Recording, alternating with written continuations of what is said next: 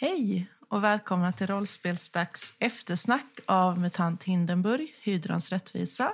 Det är ju vi som sitter här, Josefin och Micke, Japp. Samuel Yeah. och Jesaja. Ja, Nu är vi ju klara med MUTANT. Hur känns det? lite konstigt. Ja, det känns ganska tomt. Ja, ja. det var ju en lång kampanj så det är ju lite märkligt. Ja, det var rätt tungt veckorna efter kände jag, att eh, släppa det och komma över och sådana grejer. Ja, lite vemodigt. Ja, men det, jag tycker ändå att det börjar kännas bättre nu när vi har börjat med nästan kampanj och kommit in lite i den och sådär. Ja. Extremt skönt att slippa Mm. vara spelledare framför allt också känner jag. Mm. Kul att få vara spelare igen. Ja. Och sen har vi fått in lite feedback också. Eller Och- lite. Ja, Okej, vi har fått in väldigt mycket feedback. Ja, det har varit jätt... Den har ju varit jättepositiv och vi har fått in jättemycket frågor. Men det är ju kul med feedbacken för den, det gäller ju både ljud och innehåll. Och det är ju något vi har jobbat på väldigt mycket. Ja, just det. Nej, men ska vi köra frågor på en gång kanske? Ja, Yes. så att vi hinner med dem. Lika bra. Ja. Då har vi till spelledaren Ja. från Jimmy. Har hört Micke nämna i ett avsnitt att han väljer att frångå regelverket till fördel för spelet och spelaren. Hur ser ni generellt på att ändra eller frångå regler för att skapa ett roligare spel? Det lät som att det var till alla, eh, inte kanske bara till mig. Börjar du? Eh, ja, personligen så tycker jag väl att det, regler är jättejobbiga att hålla koll på och att följa slaviskt, så att säga. I vissa fall så kan det väl vara bra och jag, försöker göra det till stor utsträckning. Men ibland så tycker jag att har man inte koll på reglerna och det inte har skitstor betydelse för handlingen så tycker jag att det är bättre att försöka skynda på saker än att man ska fastna hela tiden i att behöva slå i boken och regler. Och vi, vi klipper och redigerar och så, men det tappar ju ändå energi och form eh, och fart när man rollspelar också. Man måste pausa hela tiden. Så att jag tycker det är bättre att bara försöka hålla igång tempot. Så jag, jag skulle nog säga att det, jag gör det ganska ofta. Jag tycker det är bra också. Det, jag tycker ju att det är ju berättelsen som ska vara det viktiga, inte, inte reglerna. Nej, precis. Om, om det gynnar berättelsen att bryta mot reglerna eller vad man ska säga, då tycker jag det är positivt. Mm. För det är ju berättelsen som är det viktiga. Ja, alltså jag gör ju samma sak när jag skriver eller när jag spelleder. Väldigt lite saker i chock hade jag egentligen koll på annat än hur tärningslagen går till. Och samma sak nu i Skuggornas mästare. Så väldigt lite saker har jag egentligen koll på Mm. annat än hur grundslagen går till. Resten känns överflödigt på något sätt. Så att kan man det och det passar så visst. Annars så är det oftast bara bromsklossar. Liksom. Mm. Ja, men det kan ju vara bra med slag och kunna se att ja, men du spårade jätteduktigt eller du var jättebra på att övertyga den här personen och så vidare. Slaget formar händelserna. Nu kör vi vidare, liksom. inte hålla på med massa uppföljningar på det, tänker jag. Det är väl därför vi gillar Laser Feelings, antar jag. Ja, Ja, precis. Det är bara ett slag och sen är det klart. Det är generellt. Men hur gör ni då om ni spelar, är spelledare utanför podden? Är ni striktare med regler då eller kör ni homebrew då också? Eller alltså lite lösare? Ja, jag kör det också. Ja, jag Ja. också. Nästan hela tiden. Det kommer antagligen märkas lite tydligare när vi spelar Trial and Terror sen för att det har ju väldigt grundläggande eh, regelsystem vad gäller att slå tärningar. Där är det jag slår en tärning Mm. helt oberoende av någonting och sen så utläser jag resultatet och hittar på vad det betyder. Det har ingen Ja. effekt egentligen. Det är bara att du ska göra roa dig med någonting. Medans... Ja, men det har jag också gjort ibland i Trial and Terror att jag slår tärningslag för att få spelarna att svettas. Ja. Jo, men det, det, det stämmer ju. Hör man hur spelaren slår en tärning så blir man ju lite orolig. Så, Mm. ja. ja. Mycket när du skapar NPCer, ja. hur ser den processen ut? Oj, eh, det beror helt och hållet på. Eh, Många NPCer har jag ju inte skapat överhuvudtaget utan har blivit tvungen att hitta på på plats. Knaske är ju ett jättebra ett exempel på det. Eh, En karaktär som jag inte alls hade tänkt skulle ha massor av plats eller ett syfte överhuvudtaget. Jag hade till och med glömt bort att han fanns. Och sen var jag tvungen att snabbt hitta på hur han var som person. Det kanske märks väldigt tydligt, men det finns många personer som jag inte hade tänkt skulle vara med. Jack är också en sån. Mhm. Ehm, Det är den första NPCn som ni träffar, men det var insåg ju någonstans att jag var ju tvungen att slänga in någon som skulle komma. Så jag var ju tvungen att hitta på att det kom någon. Ja, Ehm, bara för att det passade i stunden. Däremot så kan det vara väldigt ofta att jag introducerar en NPC som jag sen känner att jag vill utveckla den mycket mer. Som, eh, och som kanske ibland kräver att jag gör det också för att eh, ni som spelare interagerar väldigt mycket med världen eller med just den NPCn. Då måste jag ju någonstans fördjupa mig i den personen. Men, Har du något exempel? Eh, Cassius eh, var ett väldigt växande exempel. Jag, eh, framförallt när jag, jag kör ju bil till jobbet och sånt ganska ofta och har väldigt långa sträckor. Det kan vara att jag kör i två och en halv timme till jobbet när jag ska jobba. Och då brukar jag ju väldigt ofta vara i karaktär till exempel och prata väldigt mycket på det viset och eh, eh, reflektera över hur de karaktärerna tänker och resonerar och ser på er och världen som de lever i. Liksom. Eh, Laguna var också en sån person som jag spelade väldigt mycket. Astor har jag också varit väldigt mycket. mm. Det, det, tar ganska mycket tid. Eh, Men jag tror att man ska lägga ner, man lägger in lite av sig själv i alla NPCer så finns det alltid ett mänskligt drag hos dem. Och bara man tar en liten del av sig själv kan man se ifrån, utifrån sig själv och reflektera över perspektiven som man ställs Mm. inför. Och då blir de lättare att skapa som, alltså göra så att de känns verkliga liksom. ja de är inte bara, bara onda eller goda utan det finns alltid något emellan där. Liksom. Ja, precis. Sen frågar Joel lite här om spelledarens fluffig frustration. om vi ville prata lite om den kanske. Jag skulle ventilera den. Eh, Mm. Hur, kän- Hur känns det nu, Micke? ja, alltså vi har ju fått ganska mycket feedback eh, kring den situationen, och, eller de situationerna ska vi väl säga som det har varit. eh, det, är kanske lite felaktigt har framstått som att jag inte alls är nöjd med eh, att eh, Samuel spelar ut Fluffy på det sätt som han gör. Så är det ju absolut inte. Jag tycker det är jätteroligt att Samuel Mm. spelar på det sätt som han gör och att Fluffy har gjort de saker som han har gjort. Att han är frustrerande, det kan jag inte komma ifrån i och med att dels är det jävligt svårt att vara med på de vändningarna som han skapar. För jag måste ju direkt efteråt anpassa mig efter det. Givetvis är ju inte någon som säger nej, det får inte du göra för att jag har bestämt nu i förväg vad det är som ska hända för någonting och eh, tåget går bara åt ett håll så att den här railroaden ska vi följa liksom. Utan jag uppmuntrar ju hela tiden att göra saker som påverkar flödet i, i händelseförloppet och så vidare. Men sen när man har skrivit kanske ett, två A4 för en händelse som man tänker att det här ska hända ehm, och sen hoppar en kaninjävel fram och eh, stoppar det förloppet, då, då, då, blir man ju lite frustrerad, men inte på något sätt arg eller irriterad. Ehm, Nej. Det är bara roligt. Och vi sitter ju bara och fnissar åt dig när du svär lite för att, vi, för att det går fel. Ja, Eller gapskrattar ibland precis. också. Sen kan jag ju låta sadistisk när jag vill att ni ska ta skada och kanske dö lite grann, för att det är ju roligt när ni dör. Det, det, det är ju kanske inte jättekul att säga adjö till en karaktär, men det är dramatiskt och det är dramaturgiskt intressant och roligt. Mm. Men ju- jag är aldrig emot er som spelare, det är jag inte. Men vad vore världen för värld om ni inte ställdes inför prövningar och så? Ja, men precis. Och är lite rädda sådär.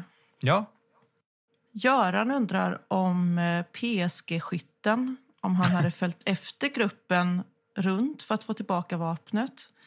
Eh, visade gruppen PSG-skytten något som gjorde så han visste vad som höll på att hända? Berätta gärna lite av storyn ifrån skyttens synvinkel. oj. Ja, Pontiac heter han, hette, kanske jag ska säga. Hette jag. Mm. Pontiac var krypskytten som sköt Vesslan och som har varit en fi- figur i bakgrunden. Jag- Jag kan känna att jag kan avslöja berättelsen om honom eftersom han är död. Så det kommer liksom inte bli någon spin-off med honom riktigt. Ehm, eh, Pontiac heter han. Han är inte en del utav eh, våldsverkarna. Han är eh, legoknäckt. Han är hyrd utav dem. Han har ingen egentligen eh, allians förutom pengar. Men en väldigt stor identitet av honom är det här väldigt specifika geväret som han håller extremt kärt. Mm. Och det kunde ju inte bara släppa att han jag har ju faktiskt hittat på den här figuren från sedan långt tillbaka. Så jag insåg att när han plötsligt blev av med sitt gevär eh, för att eh, laxen super snodde det liksom, så var jag ju tvungen att eh, liksom fundera på hur agerar han då? Han är ju smart liksom och så. Men han eh, började ju följa efter gänget till containern, fick reda på att de var där. Sen slog jag, det kanske inte framkommer i podden så jättenoga, men eh, jag slog många gånger för att ni skulle upptäcka att han var där, mm. att ni skulle upptäcka och agera på att han fanns där. Men ofta så gjorde ni inte mycket mer än att ja, jag märker att det är någon där. Gör du någonting? Nej. Mm. Nej, okej, okay, ja, då springer någon iväg. Liksom. Um, och sista gången när laxen väl blev av med geväret, då var det ju faktiskt för att ni allihopa slog så jäkla dåligt. Ja. Liksom. Och visst, han kunde ha tagit geväret och uh, skjutit er i ansiktet eller någonting, men uh, han har inget agg emot er. Um, han ville bara ha tillbaka sitt gevär. Och um, någonstans så hade inte det varit så roligt och, och bara, ah, laxen du är död, du skjuten i huvudet när du sov, du misslyckades. Alltså, det går ju inte, det känns ju bara taskigt liksom. Men det hade ju varit en ganska riskfylld situation för hans del också när det hände. För att ja, ja, absolut. Bara, bara för att. Fluffy var ju i ett annat rum. Precis, bara, mm. bara för att. Så han hade ju inte kommit ut levande om han hade gjort Nej, det. Det hade nog varit väldigt svårt. Och det, det kändes liksom bara petty på något sätt att han skulle ha gjort så. Nej, det tror jag inte. Att han, han, man, you, you win some, you lose some. Liksom. I det här fallet så fick han tillbaka sitt gevär. Men eh, det exploderade ju i ansiktet på honom.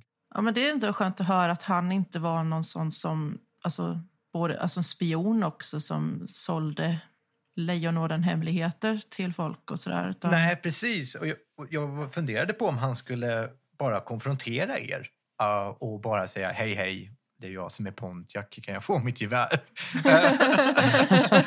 Men jag var så här, bara, nej, jag tror inte att det kommer bli en bra scen. Liksom. Och det, känns inte, det kändes inte som han heller, att han skulle göra på det viset. Utan han hade nog försökt smyga sig in och ta tillbaka.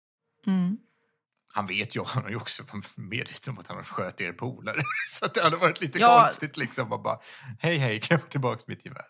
Nej. Det kanske inte hade slutat så väl för honom då? Nej, det, det tror inte jag heller. heller. Och det känns som att han har nog det på känn. liksom. En klok idé. Ja. ja. Eh, en annan fråga om innehåll här har vi Calzone som skriver Gillade när ni räddade pingvinpojken från den galna brodern och använde eh, barnen som slags dockor. Var fick du inspirationen till det? ja, inspiration. Um, det var ju också lite så här lösryckt. I början så var ju ni inte riktigt... Uh, det var ju en del av ett litet uppdrag egentligen bara. Mm. Eh, ni skulle lära känna era karaktärer lite grann tänkte jag, men ni behövde ju ändå ett uppdrag och i och med det uppdraget så skulle ni lära känna NPCer.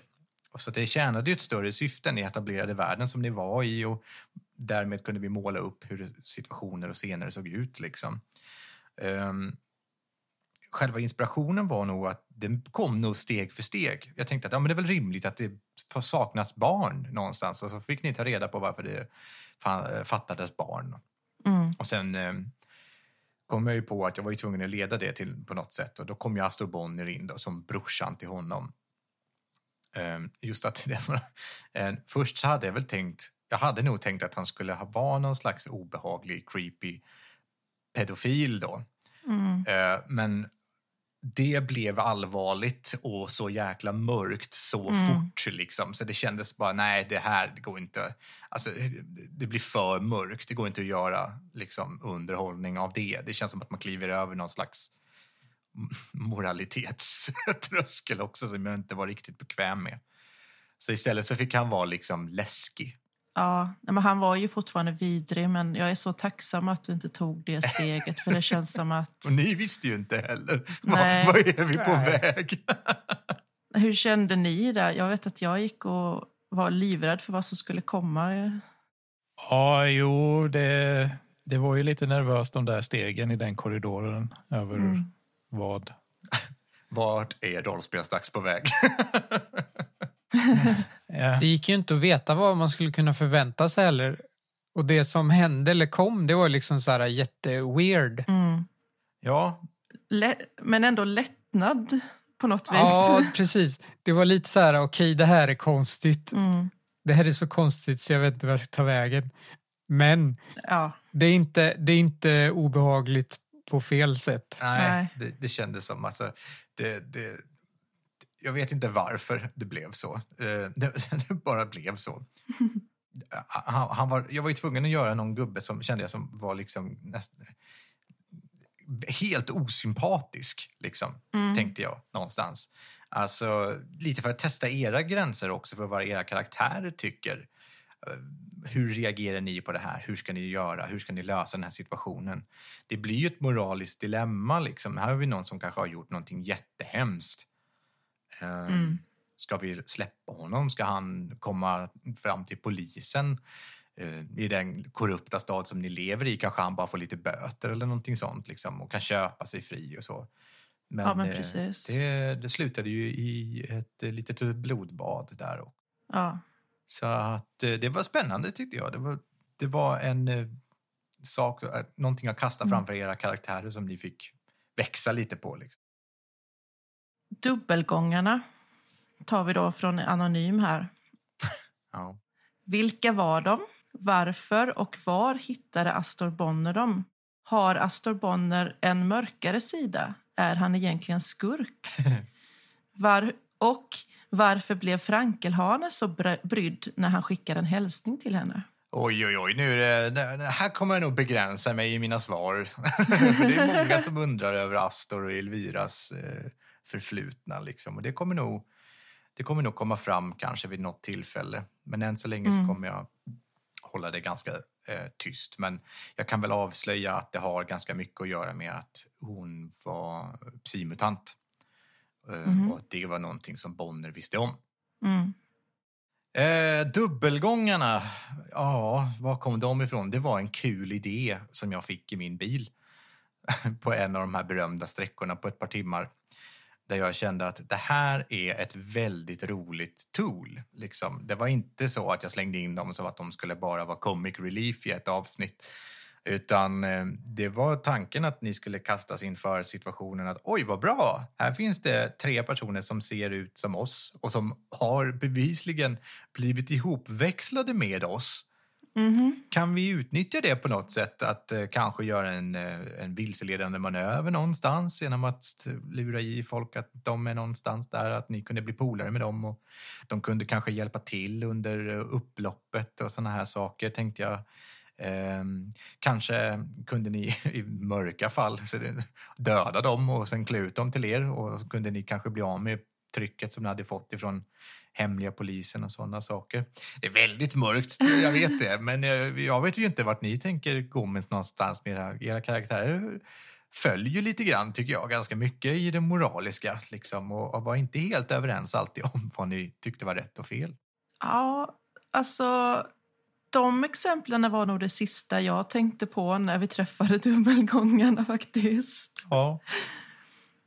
Så... Jag, jag, jag tänkte mest bara att det var skönt att Astor inte var ensam. Jaha. Så att han inte... Om något händer oss så har han några i alla fall. Eller sådär. Jag hade inte ens en tanke på att vi kunde utnyttja de här tre personerna. Mm, Inte jag heller. Jag trodde bara det var comic relief. Ja, eller hur? Jag tyckte så här, fan det här blir för fånigt. Kommer folk tycka det här är kul verkligen?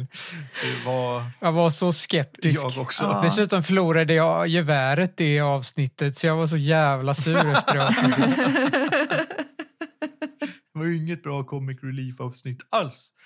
Eh, Nej. Nej, det var faktiskt inte meningen att de skulle vara bara comic relief. Men så liksom så urartade det på något sätt mellan eh, Fluffy och Plufsy. Eh, Så att, Tänka eh, sig. Ni lärde er ju aldrig heller. Jag kände lite så här, bara, ja, ja, det kanske bara rann ut i sanden där. Men, men, det var väl en, en kul situation ändå. Mm.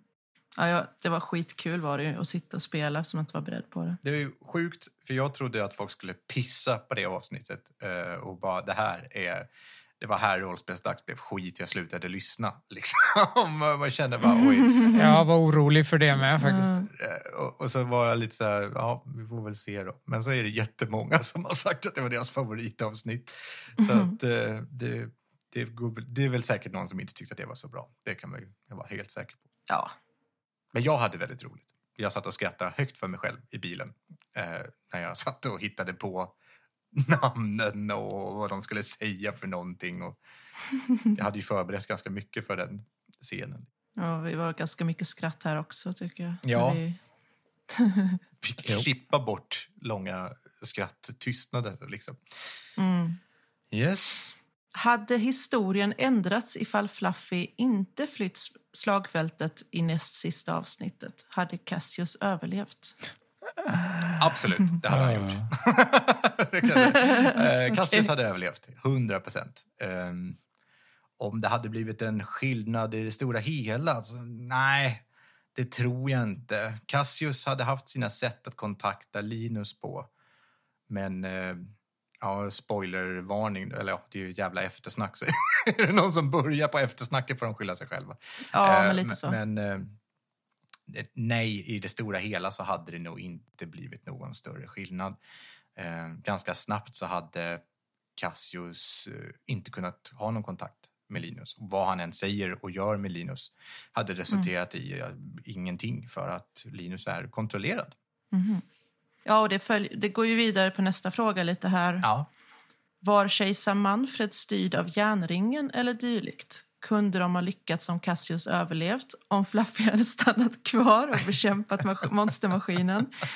Eh, och sen också då kom det en fråga här. Hur länge har ni spelat tillsammans i det här gänget? Sen ni var små eller har ni lärt känna varandra i vuxen ålder? Jag såg att den ska vara lite längre. Oj, ja, det var my- mycket frågor på en gång. Ska vi ta dem i lite ordning? Mm. Var kejsar Manfred styrd av järnringen? Ja, Eller dylikt? det är därför han är så konstig. Det är därför han pratar osammanhängande och ibland citerar saker som han har sagt sen långt tillbaka. Eh, Jag lät er fundera på det där och ni var nära någonstans att bara, "Nej, men det känns inte riktigt rätt alltså. Det, det verkade som att ni tvekade inför på slutet på, på det här. Laxen, du reagerade va? Ja, och hade laxen fått bestämma så hade ju inte Manfred dött. Nej, Så som jag ville göra var ju att få Fluffy att vakta Manfred så han överlevde. För det här var ju någonting som dels jag som spelare men jag tror att laxen också ville ta reda på vad fan är det som försiggår. Här är någonting som inte står rätt till. ja, Och eh, tyvärr så gick ju inte det. Men eh, ja, jag försökte och jag ville ändå ta reda på vad fan det var som försiggick med honom. Mm. ja, det var ju lite olika saker som krånglade för er där kan man väl säga. Ja. Hade ni kommit fram till att nej, det här känns inte rätt, jag tycker vi avbryter det här på något sätt, eh, fast ni kanske ändå avlivar Manfred eller för bort honom på ett eller annat sätt, då hade det fått konsekvenser ganska mycket snabbare Mm. än vad den här Linus-swappen. Ja, men det hade du absolut. Jag tror att Soja var ju så stressad över allting runt omkring så hon, hon brydde sig inte så mycket om Manfred överhuvudtaget. Nej, det kanske inte är så konstigt. Men i efterhand så tänker man att man borde ha reagerat på det. Kunde de ha lyckats som Cassius överlevt om Fluffy hade stannat och bekämpat monstermaskinen? Ju... Cassius hade överlevt, eh, antagligen, med stor sannolikhet. Sen är det ett eh, slagfält där flera karaktärer som ni kände hade dött i alla fall. Mm. Det, det hade jag bestämt. Liksom, oavsett hur det blir så kommer de här karaktärerna dö för att det ska, ja, det ska kännas verkligt, att det ska göra lite ont att den här situationen uppstår. Liksom Mm. i strider dör folk och folk dog ju som flugor i början här på i upploppet som Fluffy var del av. Ja, och det ska ju nämnas också att eh, Jesaja och jag hörde ju inte den inspelningen förrän vi var klara med sista avsnittet. Nej, just det. Efter hela kampanjen. Det var jobbigt. Precis. Och, Mm. och Samuel, du hörde inte det avsnittet med oss. Nej. Inte förrän i slutet där så slängde jag in honom. Nej. Eh, Så vi hade ingen aning om vad som hände på slagfältet och Samuel hade, du hade ingen aning om vad som hände med Linus-utbytet. Nej. Nej, det var väldigt roligt. Mm. Och jobbigt. Ja, men det gjorde ju att man var extra nervös Mm. och sådär. Mm. Jag blev så jävla sur när du ringde till mig efter att ni spelat och sa att du hade dåligt samvete. Det var fan elakt. Gjorde jag det? Ja. Ja. Jag trodde ju Fluffy var död. det har jag glömt bort. Direkt när ni spelat färdigt så bara ringer till mig och bara fan jag har så jävla dåligt samvete. Undrar varför jag hade det. Mm. Nej. Du var rätt upprörd efteråt. Ja. Eh, Jag med. så är det. Behövde vänta typ tre veckor på att få veta vad det var, varför. Ja, det var, Ja, vi hade något märkligt paus däremellan. det var den värsta tiden i mitt liv. Nästan. Ja, det var tungt. Eh, vad hade hänt om Lejonorden lyckades? Lejonorden lyckades. Jag förstår inte vad frågan riktigt. Nej, jag tycker också det. På ett, Ja, det- till viss del i alla fall. Ja, det har jag väl Kanske. avslöjat där. Att det hade kanske inte blivit så jättestor skillnad i och med att det är... Jag vet inte vad det här järnringen eller vad det är för någonting. Det vet inte jag vad det är för någonting. Men det låter som någonting som tidigare... Det är en, det är en organisation med PSI-mutanter som försöker ta kontroll över Hindenburg. Aha! Ja, det är ju där mina begränsade kunskaper om mutantvärlden eh, krockar lite grann. Men det var väl lite roligt att eh, det var precis nästan vad jag hade planerat. Ehm, så att, nej, det, det tyvärr. Det, det, det, hade nog kanske inte gjort så stor skillnad. Så att Lejonorden lyckades med sitt uppdrag och samtidigt lyckades kanske inte eftersom de inte visste om att det var en Mm. psimutant som styr. Eller flera, det får vi se. Mm. Utan att avslöja för mycket. Ja, Ja, då går vi över till hela gruppen här då. Hur länge har ni spelat tillsammans i det här gänget? Sen ni var små eller har ni lärt känna varandra i vuxen ålder? Ska vi börja Ja, med... vem vill börja? Jaja Ja. och Samuel, ni har väl spelat sen ni var barn i alla fall? Nej, vi lärde känna varandra i vuxen ålder. Ja. Vi bara råkar ha samma efternamn, det är bara Precis. rent tillfälligt. Ja, Vilken slump. Nej, men vad kan vi ha börjat 92, Samuel? Jag är ganska säker på att jag var nio. 9, 94. Var du det? Ja. Jag tror väl jag började spela rollspel någonstans 93, kanske 94, men det måste ju ha varit samtidigt, du och jag. Ja, eh, men så är det ju ett par år sedan också så att mitt minne kan ju vara lite dimmigt. Men vi har ju spelat ihop sedan dess i Ja, alla fall. precis. hur länge har ni spelat med Micke då? Eh, 2014 kanske? ja. Vi har ju inte spelat så här jättemycket samtidigt. Men en del saker har vi gjort. ja. Eller är det mycket? Det beror väl på hur man mäter eller vem man frågar kanske. Eh, Ja, allt är väl relativt, men det är väl då vi började spela tillsammans. ja, vi började väl spela Svavelvinter tillsammans tror jag. Precis. Och sen har vi spelat D&D lite grann, du och jag. Ja, precis. Sporadiska små. Det har liksom aldrig blivit Och något långvarigt riktigt utan det har varit typ två, tre sessioner sen har det Ja. bara runnit ut någonstans. Och något MUTANT har vi spelat också. Ja. Mycket mer så här små grejer har vi gjort som har typ varit en, Ja. en one shot eller någonting kortvarigt. Det har vi gjort. Mm. Men det har ju varit så jävla svårt att spela kampanjer i vuxen ålder tycker Ja, jag. verkligen. Det är först med Zoom och eh, någon slags pliktskyldighet att nu gör vi en podd som, som det har blivit att eh, spela regelbundet. Ja, Man blir ju Mm. Det känns som att det är lite rollspelssjukan på något sätt. Att det sitter två, tre personer och har en jättestor vision om att det ska gå jättebra, att man ska göra en kampanj och det kommer inte vara så jobbigt. Och sen två, tre avsnitt in i kampanjen så börjar folk tröttna lite grann och svårt med Mm. tiden och så blir det inte lika kul och så rinner det ut i sanden liksom. Mm.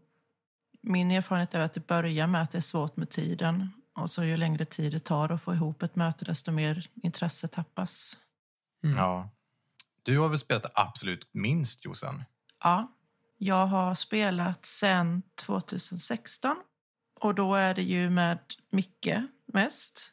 Ja. Du spelade första kampanjen jag någonsin spelade och ett par efter det också.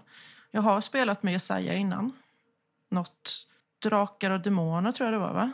Ja, det har vi va? Just det. Eh, med Samuel har jag spelat ett år här i rollspelsdags. I vuxen ålder. eh, I vuxen ålder. Så, Ja. När började du spela, Micke? Det sa du inte. Ehm, ja. Ja, vad- eh, 13 år var jag nog. Jag gick i, precis i, jag tror jag gick i sjuan eller något sånt där när det var en klasskamrat till mig. Nej, inte en klasskamrat. Jag hade inga kompisar i min egen klass. Eh, det var några, eh, några klass under mig tror jag, någon som gick i sexan eller något sånt där som sa att han hade Drakar och Demoner eller något sånt där. Det var rollspel. Det var ju lite grann samtidigt som Sagan om ringen kom där har jag för mig. Och den här fantasyvågen började liksom skölja över eh, den här nya fantasyvågen vid 90-talet där som kom. Det, och det har varit häftigt liksom. Då, då var jag nog först på bollen där omkring. Och då, då hängde jag på det. Och sen dess har jag väl aldrig slutat. Utan det var någon gammal dassig Drakar och Demoner-version och så var det nog Dungeons and Dragons som vi spelade sen också. Men ja, det var så krångliga regler hela tiden så att jag, jag, jag tyckte det var roligare att spelleda. För jag brydde mig inte Var så det- mycket om regler. Var det inte då ni satt i källaren i skolan och, och smygspelade? Eller vad det var? Nej, vi satt i... Eller ja, smygspelade gjorde vi väl kanske på sätt och vis. Eh, Men vi satt i, i, i, i Frejaskolan, hette den. Den finns inte längre. Eh, För satt vi i deras lilla bibliotek. Och biblioteket var stort som en städskrubb ungefär. Det var ett långt, avlångt eh, rum och så var det ett bibliotek, så dit gick ju ingen. Eh, Så vi hade det rummet för oss själva nästan hela tiden. Så vi satt där inne och så kom det in något, någon ungdom och frågade vad håller ni på med? Vi spelar rollspel och går härifrån. Eh, och sen så gick de därifrån. Det var typ det vi gjorde. Ja, jag ty- det är som scenisk bild bara jag har av när du var liten. Ja, när satt där. fantastiskt mysigt faktiskt. Jag hade väldigt roligt med det. Jag spelade faktiskt också rollspel i mitt skolbibliotek. Gjorde du det? Det känns Ja. som taget ur typ Stranger Things eller något. Att man sitter sånt. Det Det är så jävla bra. Vi hade, vi hade ju elevens val hela högstadiet. Ja. Och så var det något år de frågade så här, alla lärare bara frågade alla elever om de kunde komma på något mer ämne som man kunde välja. Mm. Så jag föreslog rollspel. Och det var ju inte den där lärare som fattade vad det var. Så jag fick ju förklara, ja, men det är ungefär improvisationsteater. Mm. Och, och alla som sa, jaha, det låter ju jättebra. Men det fanns ju ingen som kunde hålla i det, så det fick ju jag göra. Vad jag-. Jag och mina kompisar satt och spelade rollspel på skoltid. Så Hur bra. gammal var du då? Det låter som en jättelill gammal Jesaja som jag ser framför Ja, mig. Bara. 13, 14, 15 eller 14, 15, 16 kanske. Ja. Ja, vad härligt. Tidig tonår var det i alla fall. Alla sätt att slippa sk- riktig skola var ju bra sätt. Liksom. Ja. Ja, jag tycker det var genialiskt. Ja. Föreslå någonting som de inte känner till. Så här. De bara, skönt, kan vi, behöver vi inte ens avlöna den läraren. Liksom. Ja. det, det fixar han själv. Ja, Kan faktiskt vara sånt. sånt. Ja. Men jag var glad. Ja, härligt. Vilken är allas egen favoritscen eller situation? Oj, vad svårt. Vi börjar med Samuel. Ja. Det är väl frågan om det inte är livvaktsräddningen. det är klart det är. Alltså, det var ju den scenen då Fluffy var mest i sitt esse. ja, verkligen. Ja, Oförglömligt. Helt klart. tillsammans med att han hoppar ut genom fönstret sen och landade ascoolt. Ja, men det var ju det. Jag fick ju sån jävla feeling när han livvaktsräddade och blev skjuten flera gånger och gjorde massa ascoola grejer. Så jag bara, jag måste ju avsluta det här på något riktigt superhjältesätt. Bara hoppa ut genom fönstret. Det var, det var mäktigt. Mm, det var det Ja. verkligen. Det, det, vid sådana tillfällen som är minnesvärda för att spelledaren gick med på allting och sa bara ja, det, det gör du. Det, det kraften med att säga ja, skulle jag säga. Det blir bra scen. Nej, det är riktigt bra faktiskt. Ja. Jesaja, har du någon då?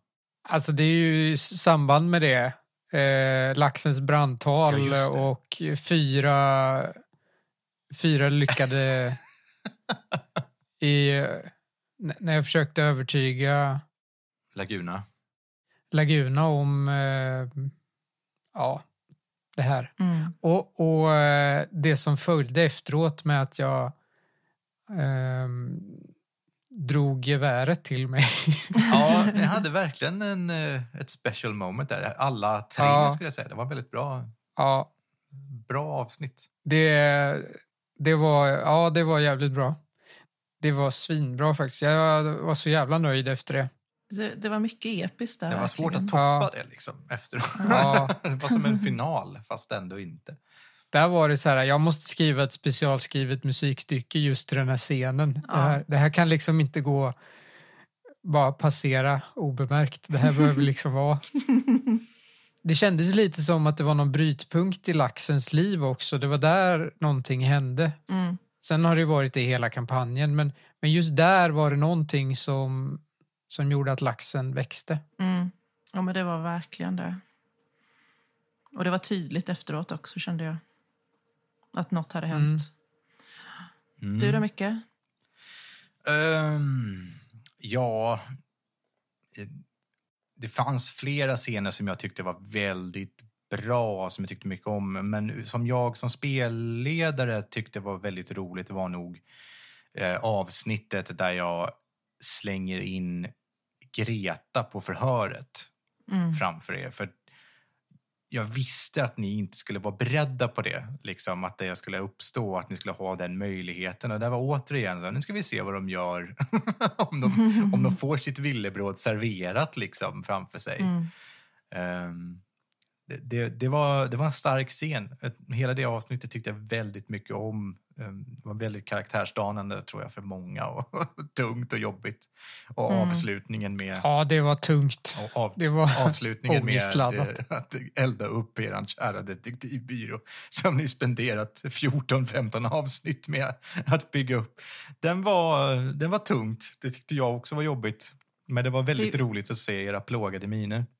Alltså, vi var ju helt trasiga efteråt allihopa. Vi hade vi hade ju typ stödsamtal i en timme efteråt, eller vad det var. Ja, På- det var så att jag knappt vågade spelleda för jag vågade knappt Du möta stack ju ganska snabbt i det där stödsamtalet.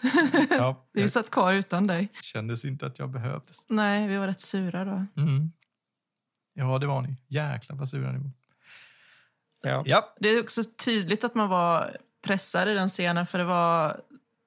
Jag säger någonstans där när Greta kommer in så här, du din jävel. Men det är ju inte Soja som säger det till Greta utan det är ju jag som säger det till Micke. Att det kom med i avsnittet. Det visste jag faktiskt inte. Ja, nej, det är så, sant. så jäkla arg var jag. och jag kände det. Ja, det hoppas jag det, där, verkligen. det där var inte i karaktär. Liksom. Men det var kul. Vi lät det vara kvar.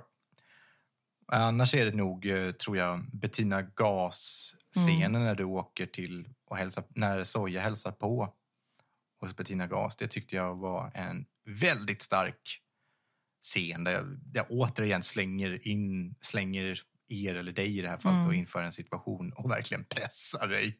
Det var riktigt jobbigt. Jag tror, att, jag tror att många kände att det var en ganska känslosam scen. Eh, att det var, man såg på det hur du tyckte Ja. det var så jobbigt att säga nej till henne där. Så eh, ja, den är nog en av mina favoriter. Jag tror att det är en av mina favoriter också. Men det var ju för att jag blev så känslomässigt påverkad på riktigt av Ja. att det var så intensivt. Ja. Och jag fick liksom en kick av det. Även om det var skitjobbigt att känna den här ångesten så var, jag fick jag verkligen en kick av hur effektfullt det kunde bli. Mm. Så den sitter verkligen kvar. Mm. Eh, Samuel, var får Fluffy sina svordomar ifrån? Jag har inte sagt dina, din favoritscen än. Ja, nej, jag tänkte att jag väljer nog den med Bettina. Faktiskt. Ja, jag förstod det som att det var... Ja, okej. jag, jag har så svårt att välja annars för eh, jag hade nog behövt lyssna om allting för att komma och hitta någon. För jag, jag har njutit hela kampanjen verkligen. Har ni inte gjort det inför det här? Lyssnat igenom hela kampanjen? Nej, det har vi inte. Nej, Det är bara jag som har gjort det. Ja, du har ju gjort Ja, men det. det, det är bra. Det är jättebra. Det känns Ehm. lite konstigt att lyssna på sig egen färdiga podcast. Liksom. Nej då, den är bra att lyssna på. Aha, okej. Ja. Helt okej podd. Jag var tvungen att göra det efter sista avsnittet som någon slags traumabehandling. Ja. Att lyssna på första eller hela säsongen Eller hela serien? Jag sträcklyssnade på hela eh, efter sista avsnittet bara för att Är det sant? ja, men få vara kvar i känslan eller någonting. Jag vet inte. Ja, Gud, vilken bra kampanj man har gjort då. Känns det som. Ja. Rebound-lyssna liksom. Ja, jag ska nog Mm. faktiskt också rebound-lyssna när jag känner det låter bra.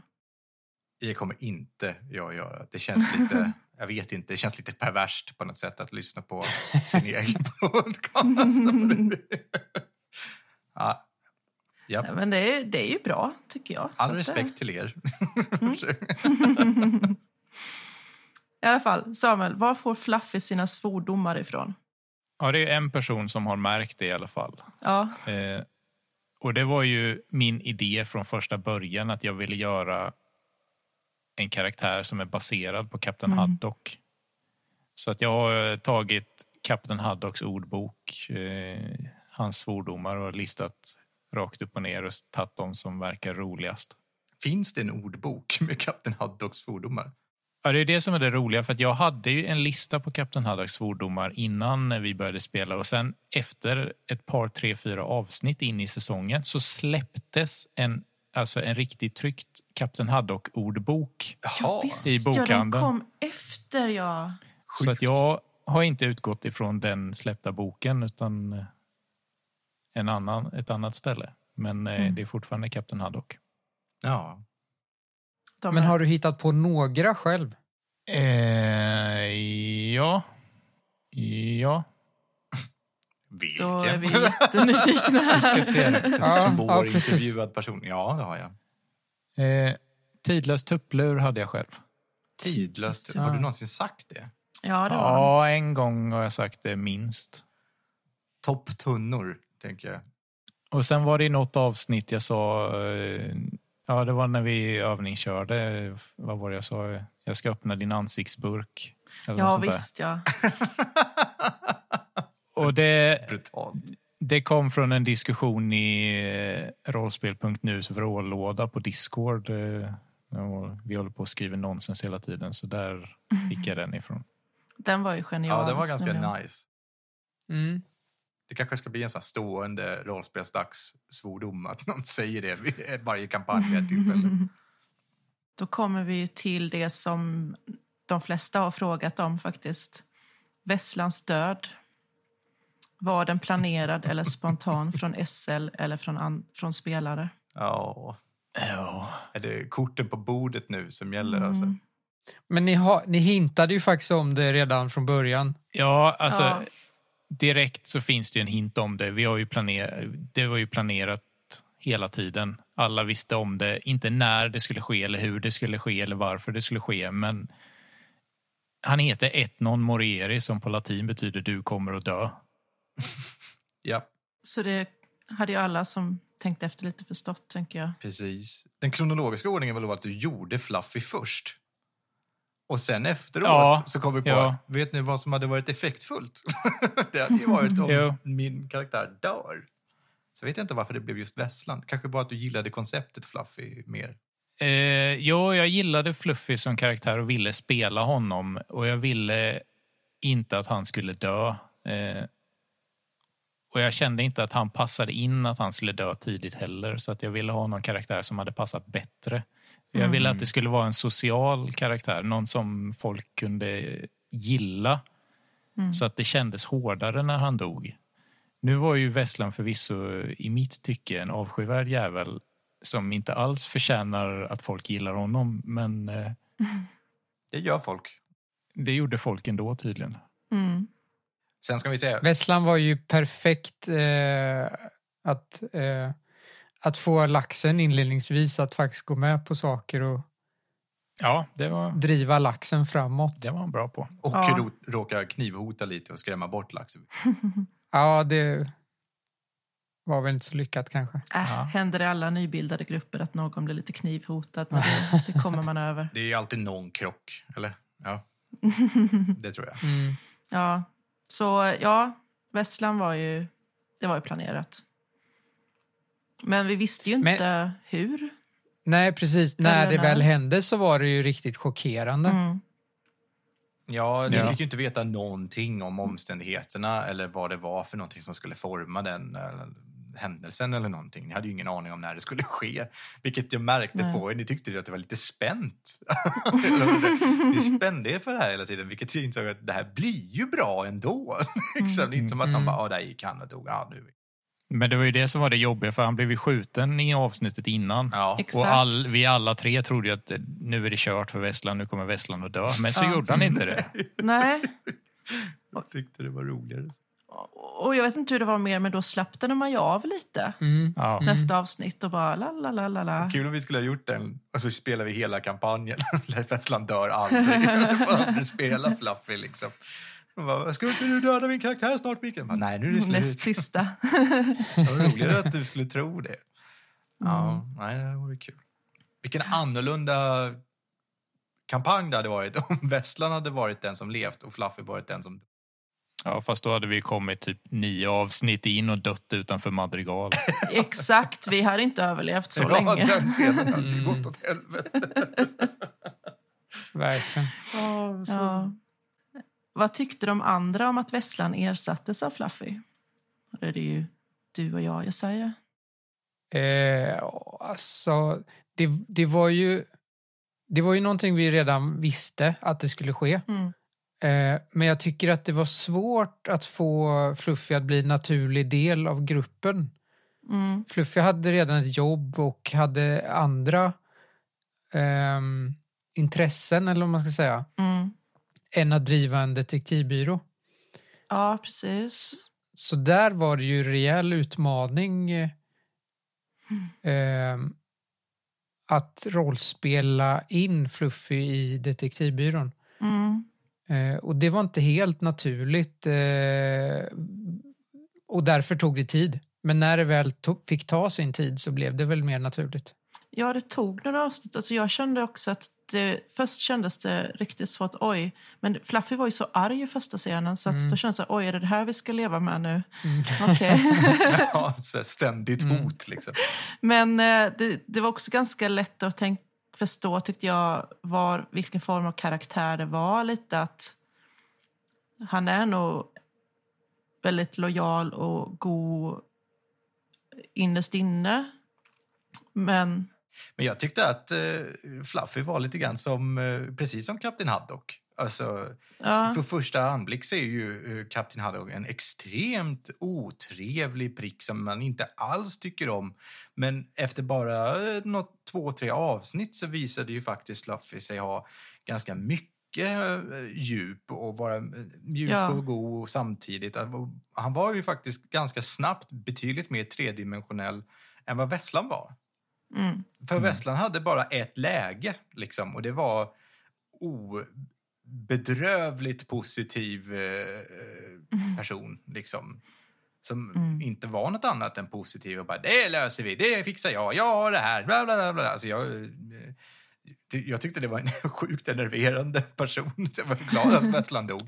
Eh, Men, men eh, Sen är ju frågan hur det hade sett annorlunda ut för Vesslan inte hade dött. Säkert. För att den positiva attityden han hade, det var ju bara yta och fasad. Han var ju ganska lömsk egentligen och opålitlig. Och, mm. han hade, hade han varit den stora tredjedelen så hade kanske Soja blivit mer korrumperad än vad hon var.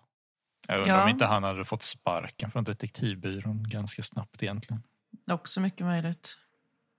Gud, Men- jag kanske ska lyssna igenom. Sparka delägaren. Ja, på en gång. Där. Ja, men det, det, hade ju, ja, men det hade varit väldigt intressant, så, men jag är faktiskt glad att det var Fluffy vi fick lära känna. ja. Det var en Ja, bra med. komplement. Eh, jag jag hade ju lite diskussioner med Micke under kampanjen om Soja skulle bli ond.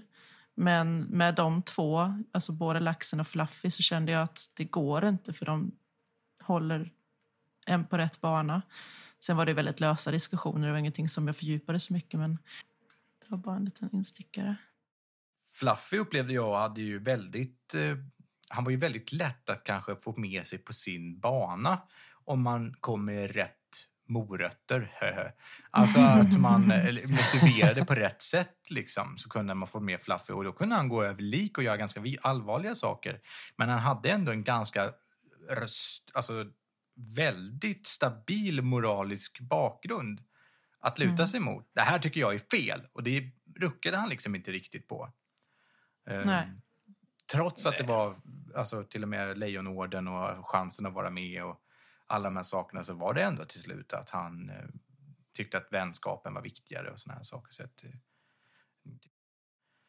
tycker jag att Fluffy visade på väldigt mycket karaktär, framförallt i slutet. Ja, Mm. det gjorde Ja. du jättebra, Samuel. Tack. Är det några beslut i kampanjen som ni ångrar? Oh, vilken bra fråga. Jättesvår fråga.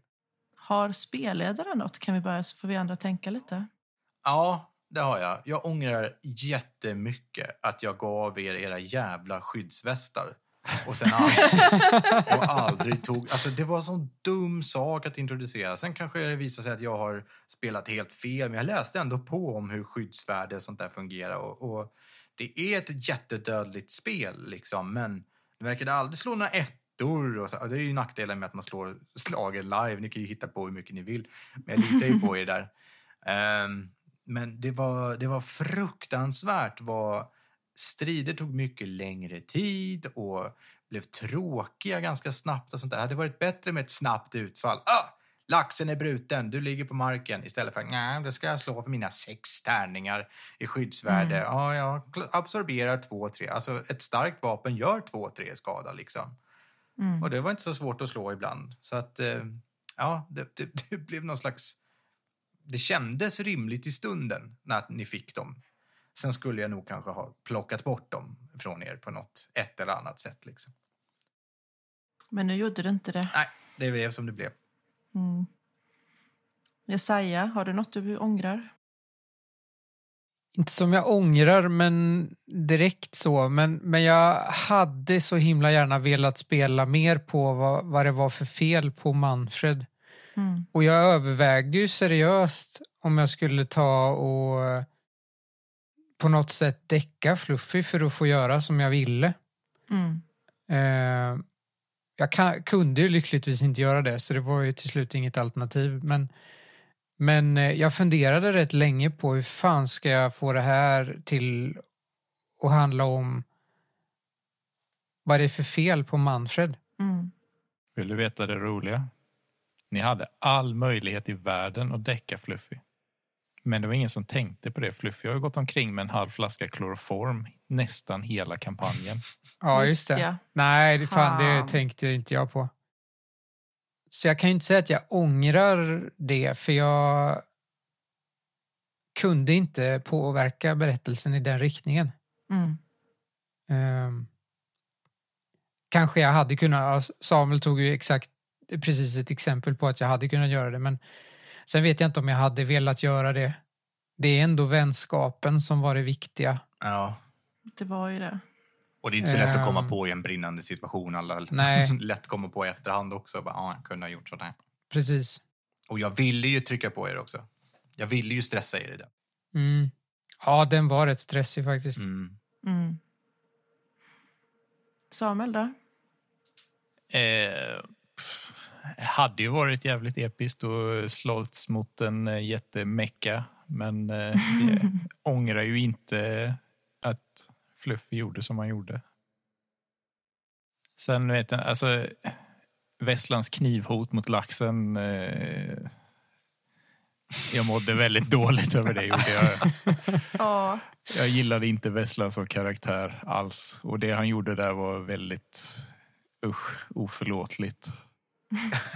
Det var nog ingen som räknade med att det skulle få så stor effekt som det fick. Eller? Vi slog ju fram att Vesslan ballade. Nej, vi slog ju fram att eh, Axeln? laxen bröt ihop vid det också och tyckte det var jättejobbigt.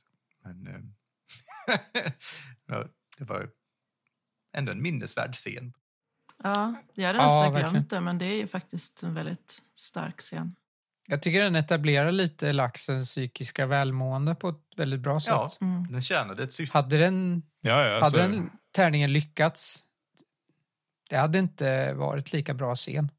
Det var ju nära på att detektivbyrån föll ihop redan där och då. Liksom. Ja, Soja Ja. var väl tvungen Ja, att gå ut och verkligen. laga den situationen också. Kom nu, Ja. vi behöver dig.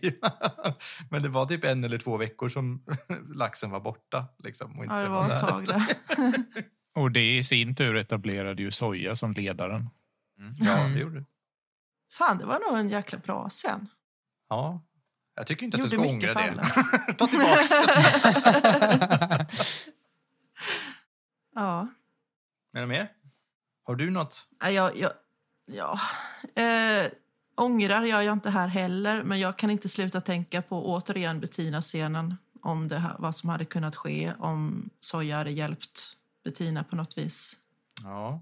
Men i den situationen var det verkligen så att hon kände att kommer det fram att jag har hjälpt henne på något vis så riskerar det planen, det kanske riskerar Fluffy och laxens säkerhet för vi hade precis liksom blivit eh, skrämda av Milo och detektivbyrån brunnit ner och vi hade hittat en container och sådär så att det var mycket som var så här det står på spel. Ja. Eh, Men jag kan inte säga att jag inte gått och tänkt på det jättemycket. Hur det hade kunnat se ut. Om man hade följt känslorna istället för eh, det rationella, eller vad man ska kalla det. Det får vi aldrig veta.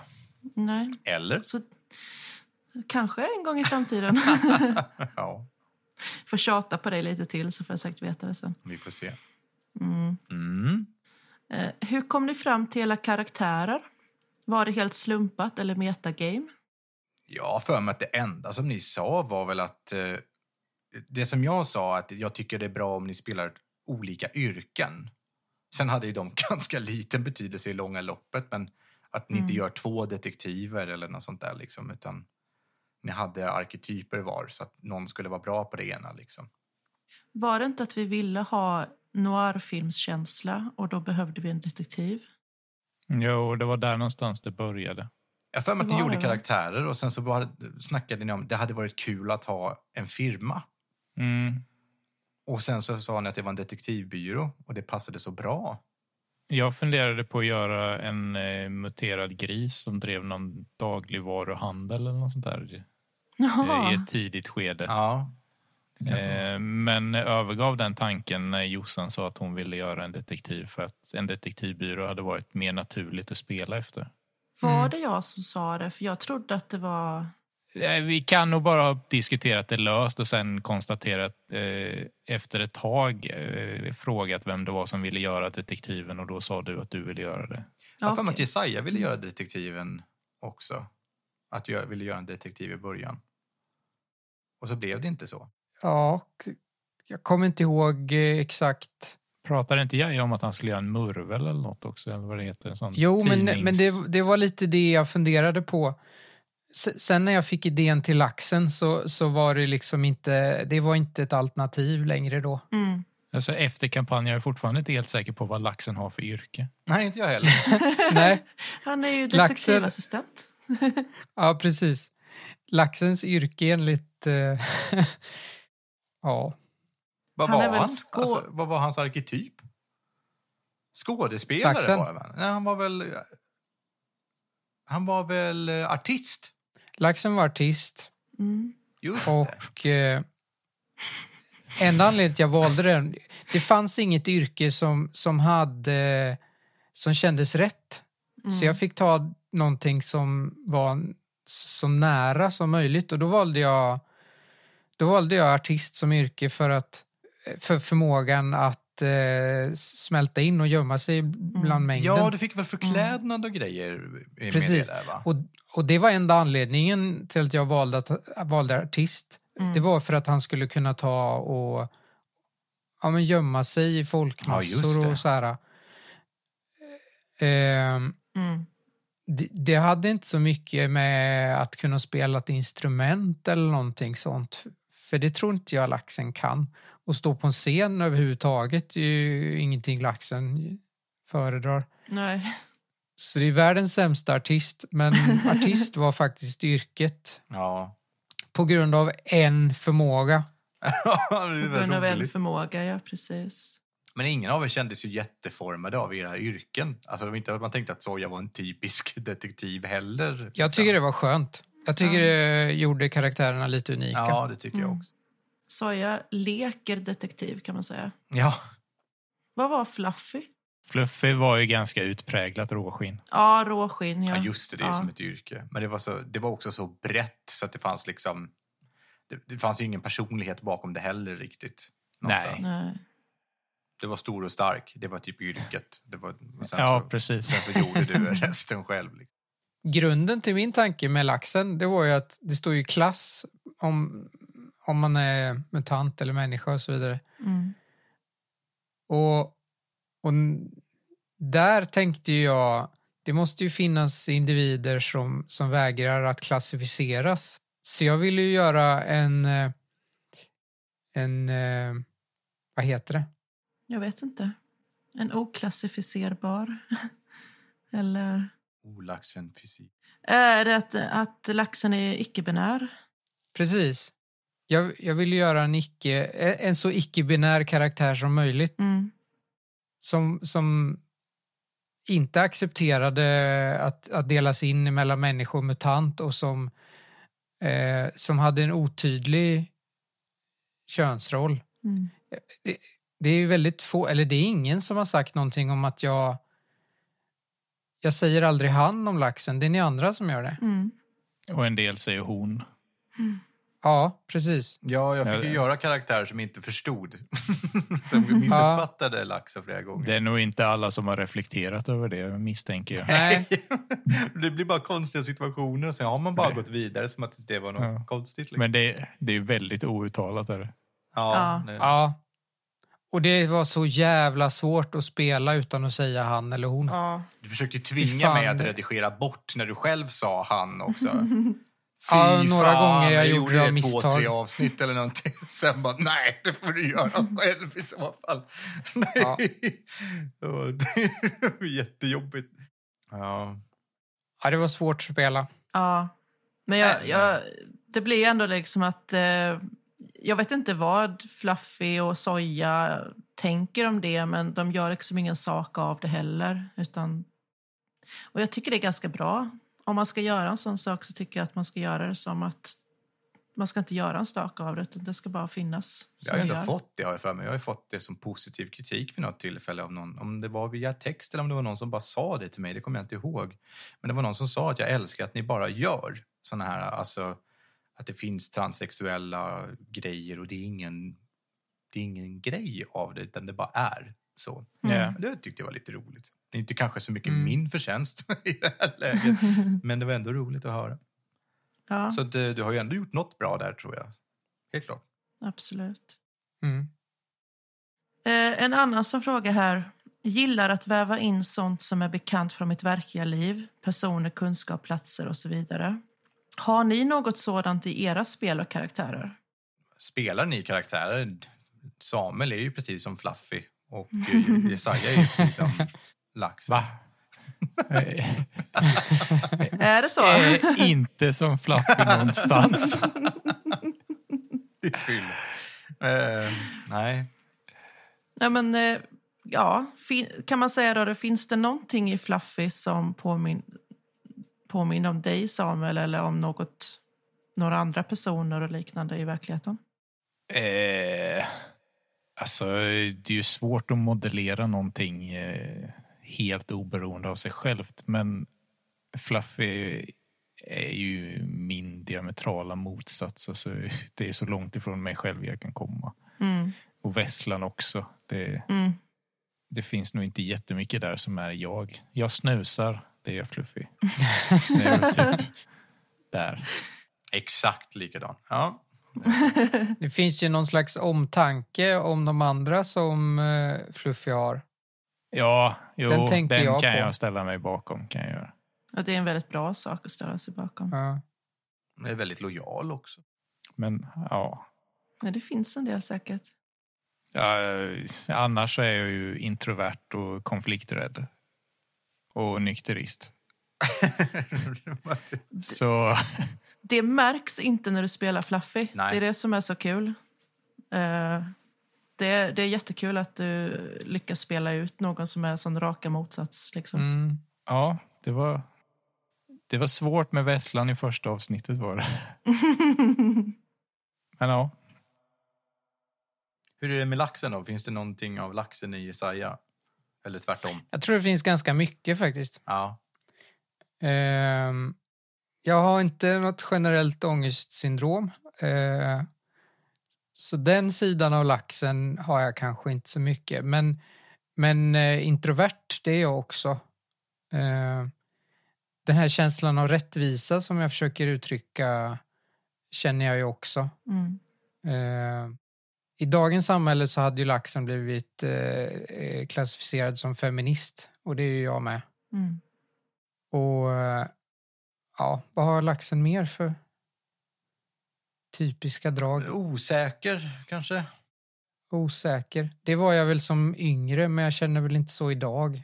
Nej. Det kanske är en yngre version, en yngre, mer trasig version av mig själv.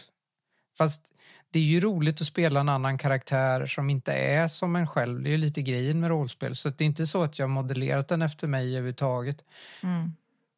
Men, men det går ju inte...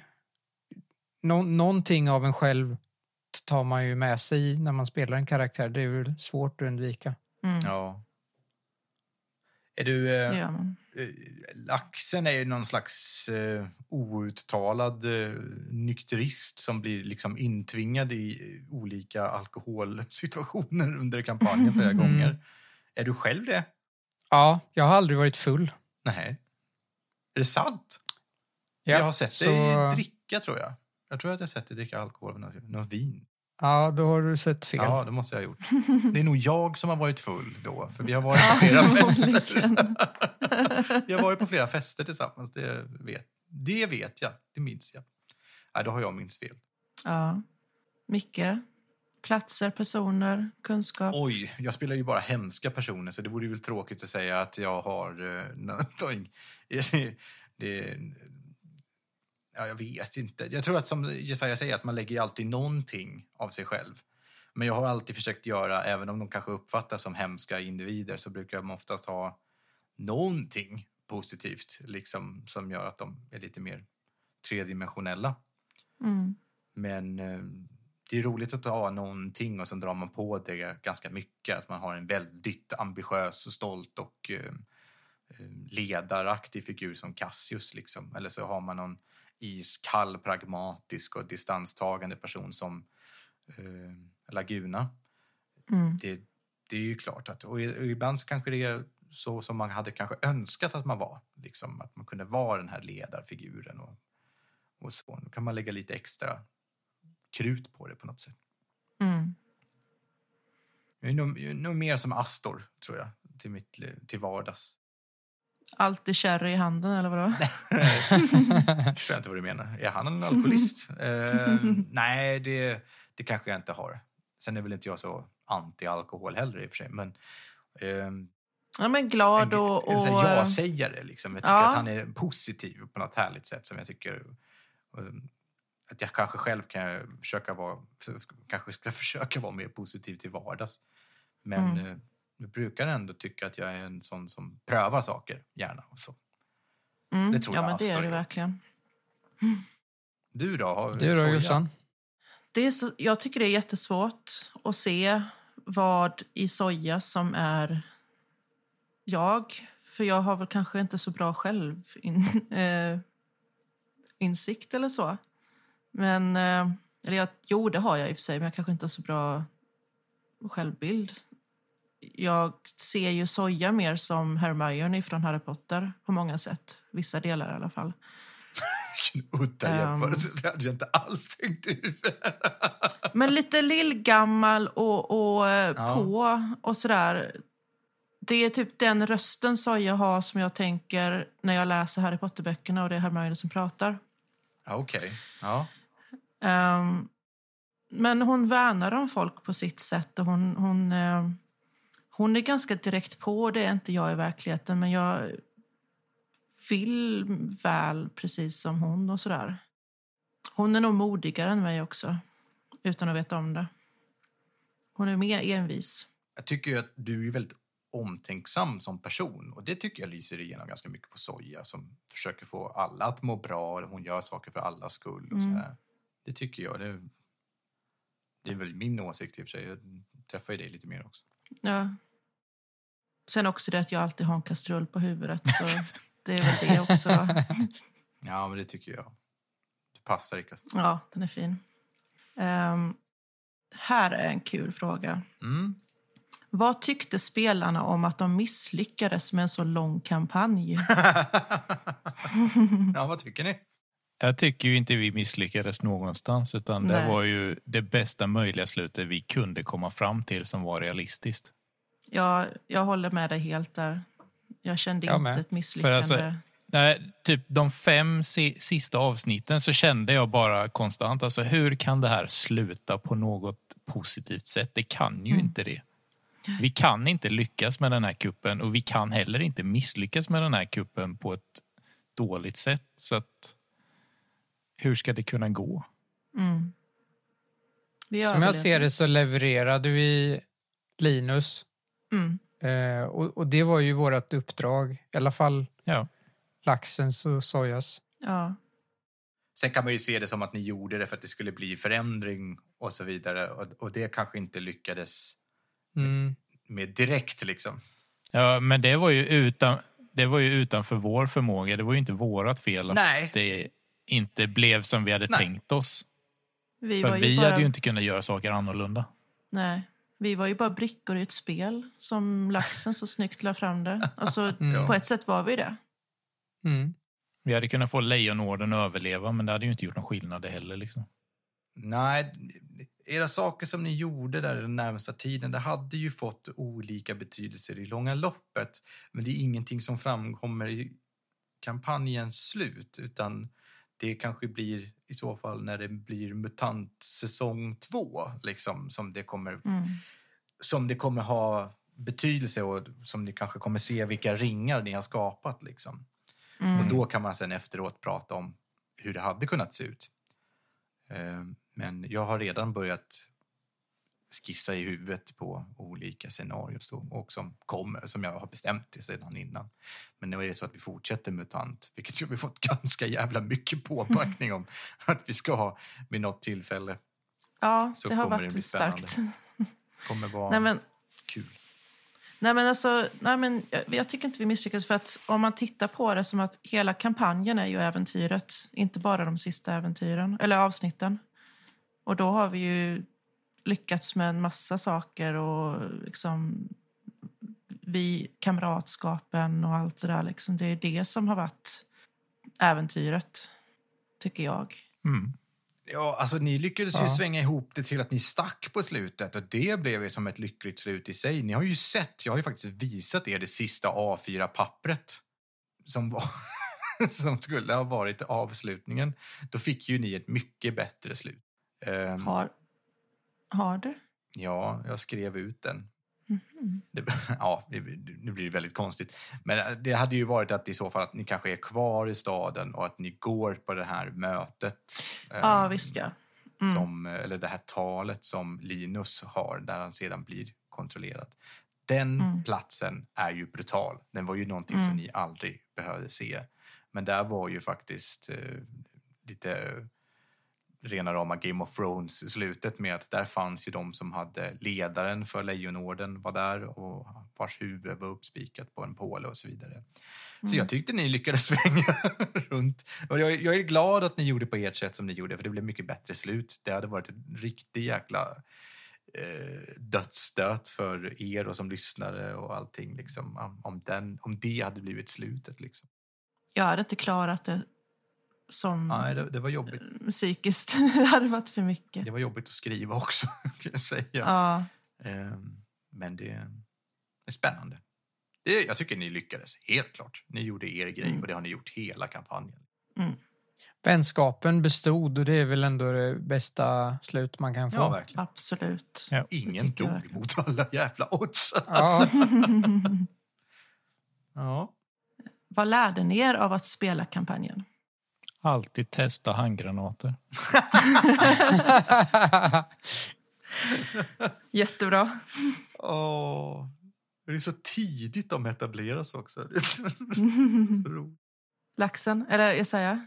Jag har lärt mig ganska mycket om psykisk ohälsa som jag faktiskt inte kände till innan jag började spela laxen. Mm.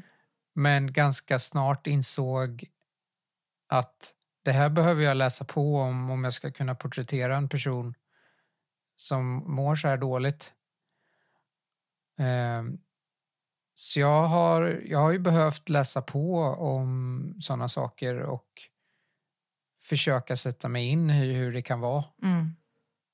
Och eh, det har ju varit lärorikt, både rent kunskapsmässigt men också emotionellt att, att försöka sätta sig in i hur en sån person Mm. som mår så dåligt känner. Så psykisk ohälsa har jag lärt mig en hel del om faktiskt. Det är ju bra. Det är ju fantastiskt. Jag har ju till och med haft en mentor som har kommenterat avsnitt för avsnitt Om du har gjort... hur jag har porträtterat det. Ja, okej. Det är ju bra. Det är ju så här kunskap som kan vara viktig i verkligheten också i andra situationer. Verkligen. Mm. Du då Jossan? Jag vet faktiskt inte. Eh, Det är väl jättemycket. Jag tänker just poddmässigt så har vi ju lärt oss allt. Eh, Vi har ju mer eller mindre byggt upp vårt format och allting kring kampanjen. För det är väl från den vi verkligen började låta bättre och få en tydligare bild av vad vi vill och sådär. Ja. Eh, Så poddmässigt har vi väl lärt oss hur det ska vara. Typ. Ja, vi har väl kan- hittat vårt, vårt, vårt format lite grann. Liksom, och, Ja. och etablerat oss själva lite grann som grupper och så. så att det är väl det som man har lärt sig ganska mycket på. Oh, Ge inte dina spelare onödigt bra saker och om de får det, ta bort dem. precis. Eh, Jag har lärt mig att bli en jävel på skuggor. Det kan man ju... ja, teckna. Speciellt de sista bilderna. egen tecknarstil. Liksom. Härligt. Vad blev laxens personlighetsförändring i slutet? Det är bra att det kommer som fråga för det ville inte jag att det skulle vara övertydligt. Nej. Eh, och det var inte riktigt självklart heller. Eh, jag var tvungen att tänka lite den veckan mellan spelmötena för, för att komma fram till vad jag ville. Skulle laxen bli elak helt plötsligt? Mm. Eh, skulle, skulle det vara en stor förändring? Eller skulle det bara vara en liten? Det var sådana här saker som jag var tvungen att tänka på.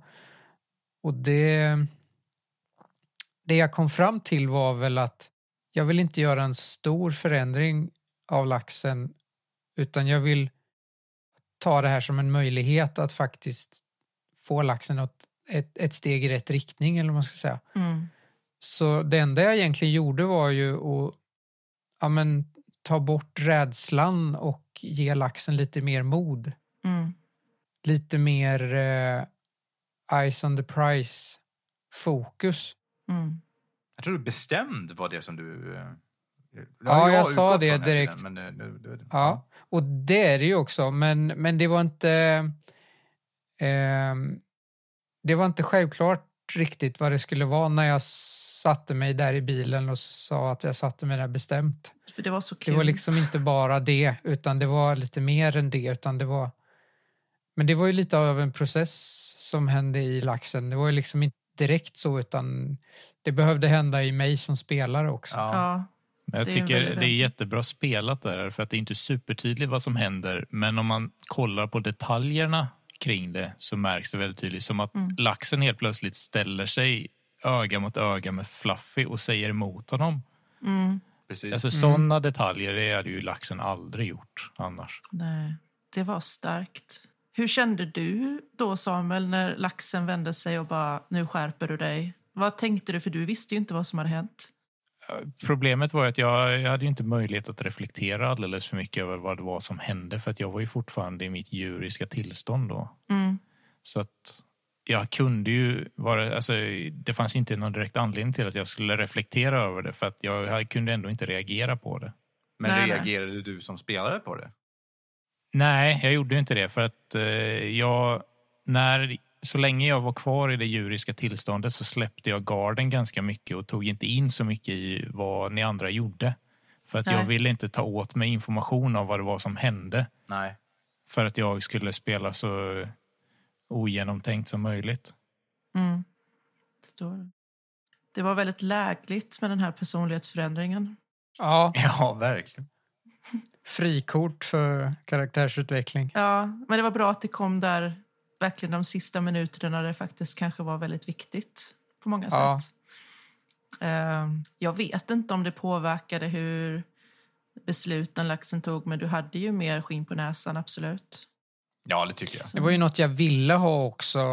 Jag ville ju, jag ville ju göra resan från eh, eh, ja, men längst ner på botten liksom, till Mm. att, att bli någon slags, jag vet inte om man ska säga hjälte, men, eh, men eh, ja, något åt det hållet. Mm.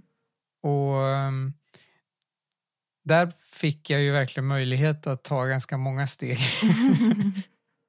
Men det var verkligen inte självklart vad det skulle leda till. Nej, men det måste ju ta lite tid också, en sån stark, tydlig förändring också. Det var bra Ja, att du fick verkligen. ett vecka på dig att tänka. Då var det slut på de frågorna. Ja.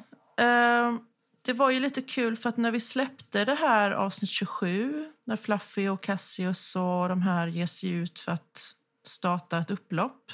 Ja. Samtidigt så eh, var samma kväll eller dagen efter så hade det precis varit att eh, Kapitolium blev störtat i USA. Just det. Vilken jävla timing. Ja, verkligen. Och lite som ett brev på posten så kom ett fråga här, lite roliga, intressanta eh, reflektioner kring det då av Kalle som skriver att extra kul med revolution när man parallellt följer nyheterna från USA. Har ni reflekterat något över revolutionen? Gör ni rätt? Är ni på rätt sida? Vad garanterar att det blir bättre efter att om ni lyckas? Bra frågor. Jättebra Mm. frågor. Jag ska vara tyst. Jag tänkte på det där med en gång. Mm. Hur... Så jäkla absurt att sitta och titta på vad som händer där borta och sen så veta att vi håller på att rollspela en snarlik situation och det är inte självklart vem som är på den goda sidan. Nej. Vi var väl övertygade om att våra, spel, våra karaktärer var på rätt sida men det gör ju de som stöttar Kapitolium också. Alltså, Mm. Fast var vi verkligen det? Laxen var ju aldrig säker riktigt. Han tvekade ju ganska länge om han var på rätt sida eller inte. mm, Mm. Och det var ju ultimat det som fick Fluffy att lämna det bakom sig, att han konstaterade att han inte var på rätt sida. Mm. Soja var ju säker på det, fast sen blev hon ju mer... Efter förhörsbiten och Bettina-biten så var hon ju mer sån att ja, ja, men jag hjälper till, men då måste ni ju se till att då får ni lova att det blir bättre för vissa personer. Lite sådär. Så att det var nog lite kluvna känslor från oss allihopa ett tag. Ja. Det väcker ganska så stora frågor som jag inte tror att vi hinner verkligen eh, filosofera runt Ja, stora frågor. ikväll. Men, men det var väldigt komiskt på något vis. Perfekt timing. Och vi hade ju ingen aning om att det skulle ske samtidigt när vi spelade in, kan vi ju säga. Mm. Jag, på, jag tycker att det är de som har härmat oss. Eh, för att vi började. Precis. Astor Bonner är ju den mest omtyckta NPCn enligt både omröstningar och eh, Facebook-sida och allting. Jag kände att vi behövde nämna lite här att eh, vi gjorde ju en förfrågan om att lyssnarna skulle skicka in sin karaktär och så skulle vi använda det som NPC någon gång. Liksom.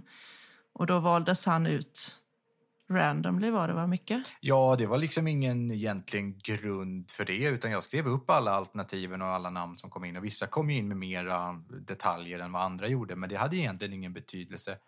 Ehm, det var bara att jag tyckte att det passade in på någon, något sätt liksom med, med, med storyn där och varför skulle inte han kunna ha en pervers bror liksom? Det är väl jättebra någon eh, i rikemansdistrikten som har lite smutsigt förflutet. Det passade Hindenburg på något sätt. Liksom. Det bara råkade bli så. Det, det var ju vår lyssnare Kristoffer som har skapat eh, namnet och eh, lite grann grunderna för vad som blev Astor och så. Mm. Sen är det väl i, all, i, i, sanning, i sanningens namn så är det ju Astro Bonners röst kommer ju framförallt ifrån uh, Hassan. Ifrån uh, det radioprogrammet Hassan som gick på P3. Det här är Magnus af Rodenqvist. Jaha. och det var ju direkt efter. Uh, Siri! De pratar ju på det viset liksom. Så att hans röst kommer ju från den. Jag tror att det är Fredrik Mm. Lindström rösten, om jag inte minns fel. Det är säkert någon lyssnare som bara nej, nej, nej, det är, eh, nej men det är inte Henrik Schyffert. Så, ah, skitsamma. Ja, det är det skitsamma. var det... den rösten i alla fall. Ja, Det är ganska roligt. Jag har faktiskt en historia som, eh, som jag skulle vilja berätta som har med Astor Bonner och den rösten att göra. Jag, innan jag började jobba som sjuksköterska så jobbade jag i många år som lastbilschaufför innan jag bytte till sjuksköterska. Det naturliga bytet. Ehm, i- och, det innefattade ju också att sitta ensam i en bil väldigt många timmar om, dag- om dygnet. Liksom. Så det som jag gjorde många gånger var att sitta och göra röster. Det här är ju någonting som jag har hållit på med i många år. Alltså. Vissa tycker att jag är jättedålig på att göra röster så, och jag respekterar det. Men jag har övat på det väldigt mycket. Och ibland blir det bra och ibland blir det dåligt. Men Magnus A. Rodenqvist det är en röst som jag har sysslat med väldigt länge och som jag tycker är underbar att hålla på med. Och det som jag gjorde oftast var att jag satt och pratade med den här rösten i lastbilen och då hade jag ett headset på mig. Och många gånger inför att jag var tvungen att åka och lämna varor någonstans jag tänker inte säga var någonstans i Växjö det här var. Men eh, det, var i alla fall till ett företag som jag skulle åka och lämna en eh, kyl och frys. Det var någon så här, vet inte, boendeföretag typ. Så att jag åker dit och är på väg ditåt, vet inte vad det är. De måste liksom ta emot de här grejerna. Jag kan inte bara lämna dem och åka för då kan ju vem som helst sno en kyl och sticka liksom. Så jag ringer ju i headsetet, slår telefonnumret och så. Jag håller ju på att prata för fullt liksom. Och bara, Goddag! Siri, det är här! Och sen så plötsligt svarar ju någon medans jag håller på och pratar på det här viset. Så han bara, ja hallå det är Gunnar, eller vad han säger. Och jag började direkt, goddag! Micke Eriksson var namnet. Jag kommer ifrån ett lastbilsföretag som jag inte tänker nämna i den här podcasten. Eh, och så inser jag ju någonstans där jag bara, vad fan är det jag håller på med? Alltså, och så ställs liksom inför, Uh, oh, uh, hur ska jag... Uh, och han bara, va? Vad sa du för någonting? Ja, jag har... och jag bara fortsatte. Jag har en pall med en frys på så jag behöver din signatur på, gamle gosse. Och, eh, eh och eh, ja, hela den sommaren fick jag åka dit och prata på det viset. Hellre det än att skämmas. Hela den sommaren jobbade jag på det. eh, Körde nästan dag, dagligen varor till det här stället till samma gubbe som tittade jättekonstigt på mig när jag kom åkande. Jag bara, Hallå, det är jag som är Micke! Och han bara, ja. Så jag, jag, jag, det var... Det För att försöka märkligt. bevisa för honom att det faktiskt är så du pratar, att det var inte så Ja, du bort dig. jag Mm. satt ju där. Nu har jag ju... Alltså någonstans hade jag ju gått förbi gränsen att haha, det var bara på skoj. Det är så här jag egentligen låter. Eh, så, jag vet inte, det blev bara jättemärkligt. Men det, det är en liten rolig röst. Så, och eh, en röst som jag kommer att använda mer antagligen. Inte bara till Astor. Det, Du tycker om den. det, Eller det är gör det gör fantastiskt rolig röst. Att. Ja.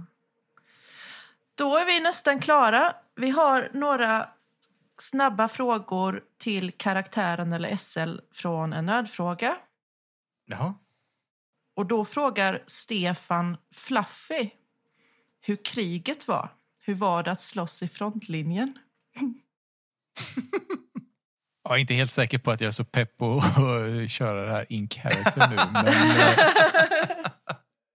Fluffy var ju aldrig med i och slogs i kriget. Han var ju tonåring. Han var inte ens tonåring, han var barn när kriget bröt ut. Tonåring kanske när han bodde på Fria slätterna och Fria slätterna var väl ett av de första ställena där det började krigas ordentligt. Precis. Så när bomberna började vina eh, runt honom så en vacker dag så smällde de ner i hans hus och hans familj spriddes för vinden. Och han vet inte vilka som överlevde. Han vet inte vart de tog vägen. Han har inte sett dem på flera år och inte Mm. vetat hur han ska kunna leta efter dem. Men han var inte med och krigade. Nej. Han var för liten för det. Det, Han har lite aura av att ha kunnat göra det, men som sagt, han är för ung. Mm, nej, han var... Han är bonnakaninen är han egentligen, fast det visar han inte så mycket. Råbarkad av helt andra skäl. Liksom. Ja. Mm. Ja. Eh, ta en annan till Fluffy här från David. Varför detta motstånd till varmkorv med bröd?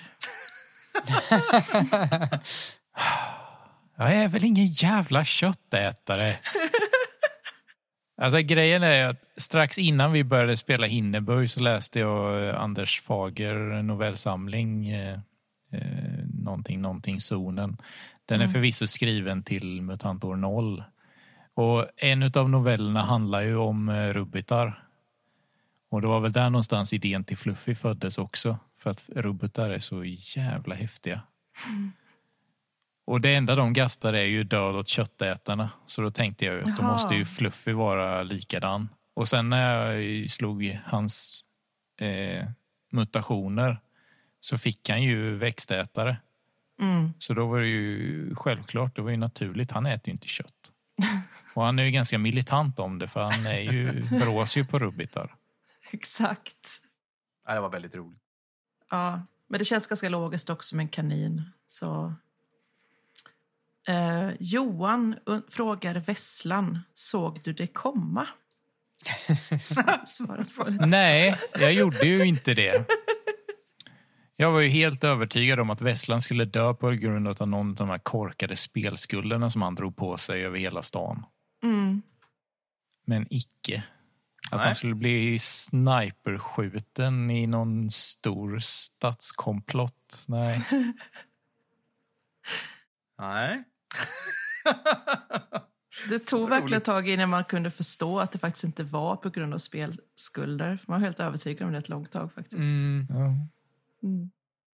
Det var en perfekt noir eh, ridå. det, Ja. det är klart det är därför han har dött. Nej, det fanns en större sanning. Ja, Matilda frågar laxen. Ska du inte ta och prata med en psykolog om din en- enorma osäkerhet och rädsla för allt? Eh, jag vet inte riktigt. svar, Jesaja svarar i karaktär. Jättebra. Så hade laxen sagt. Ja, det är helt rätt. Eller laxen ser betänksam ut men säger ingenting. Ska fundera på saken. Mm. Kanske inte behövs nu med det nya personlighetsdraget. Nej, Kan precis. förtrycka känslor istället. Ty frågar SL hur frustrerande är det att spelleda åt de här karaktärerna? Det har vi väl svarat på lite grann kanske. Ja, Det är inte frustrerande. Jo, Jo, det är frustrerande, men det är mest roligt. Är det, faktiskt. Det, det oväntade saker är bland det roligaste som finns. Det är inte alltid lätt att förhålla sig till dem.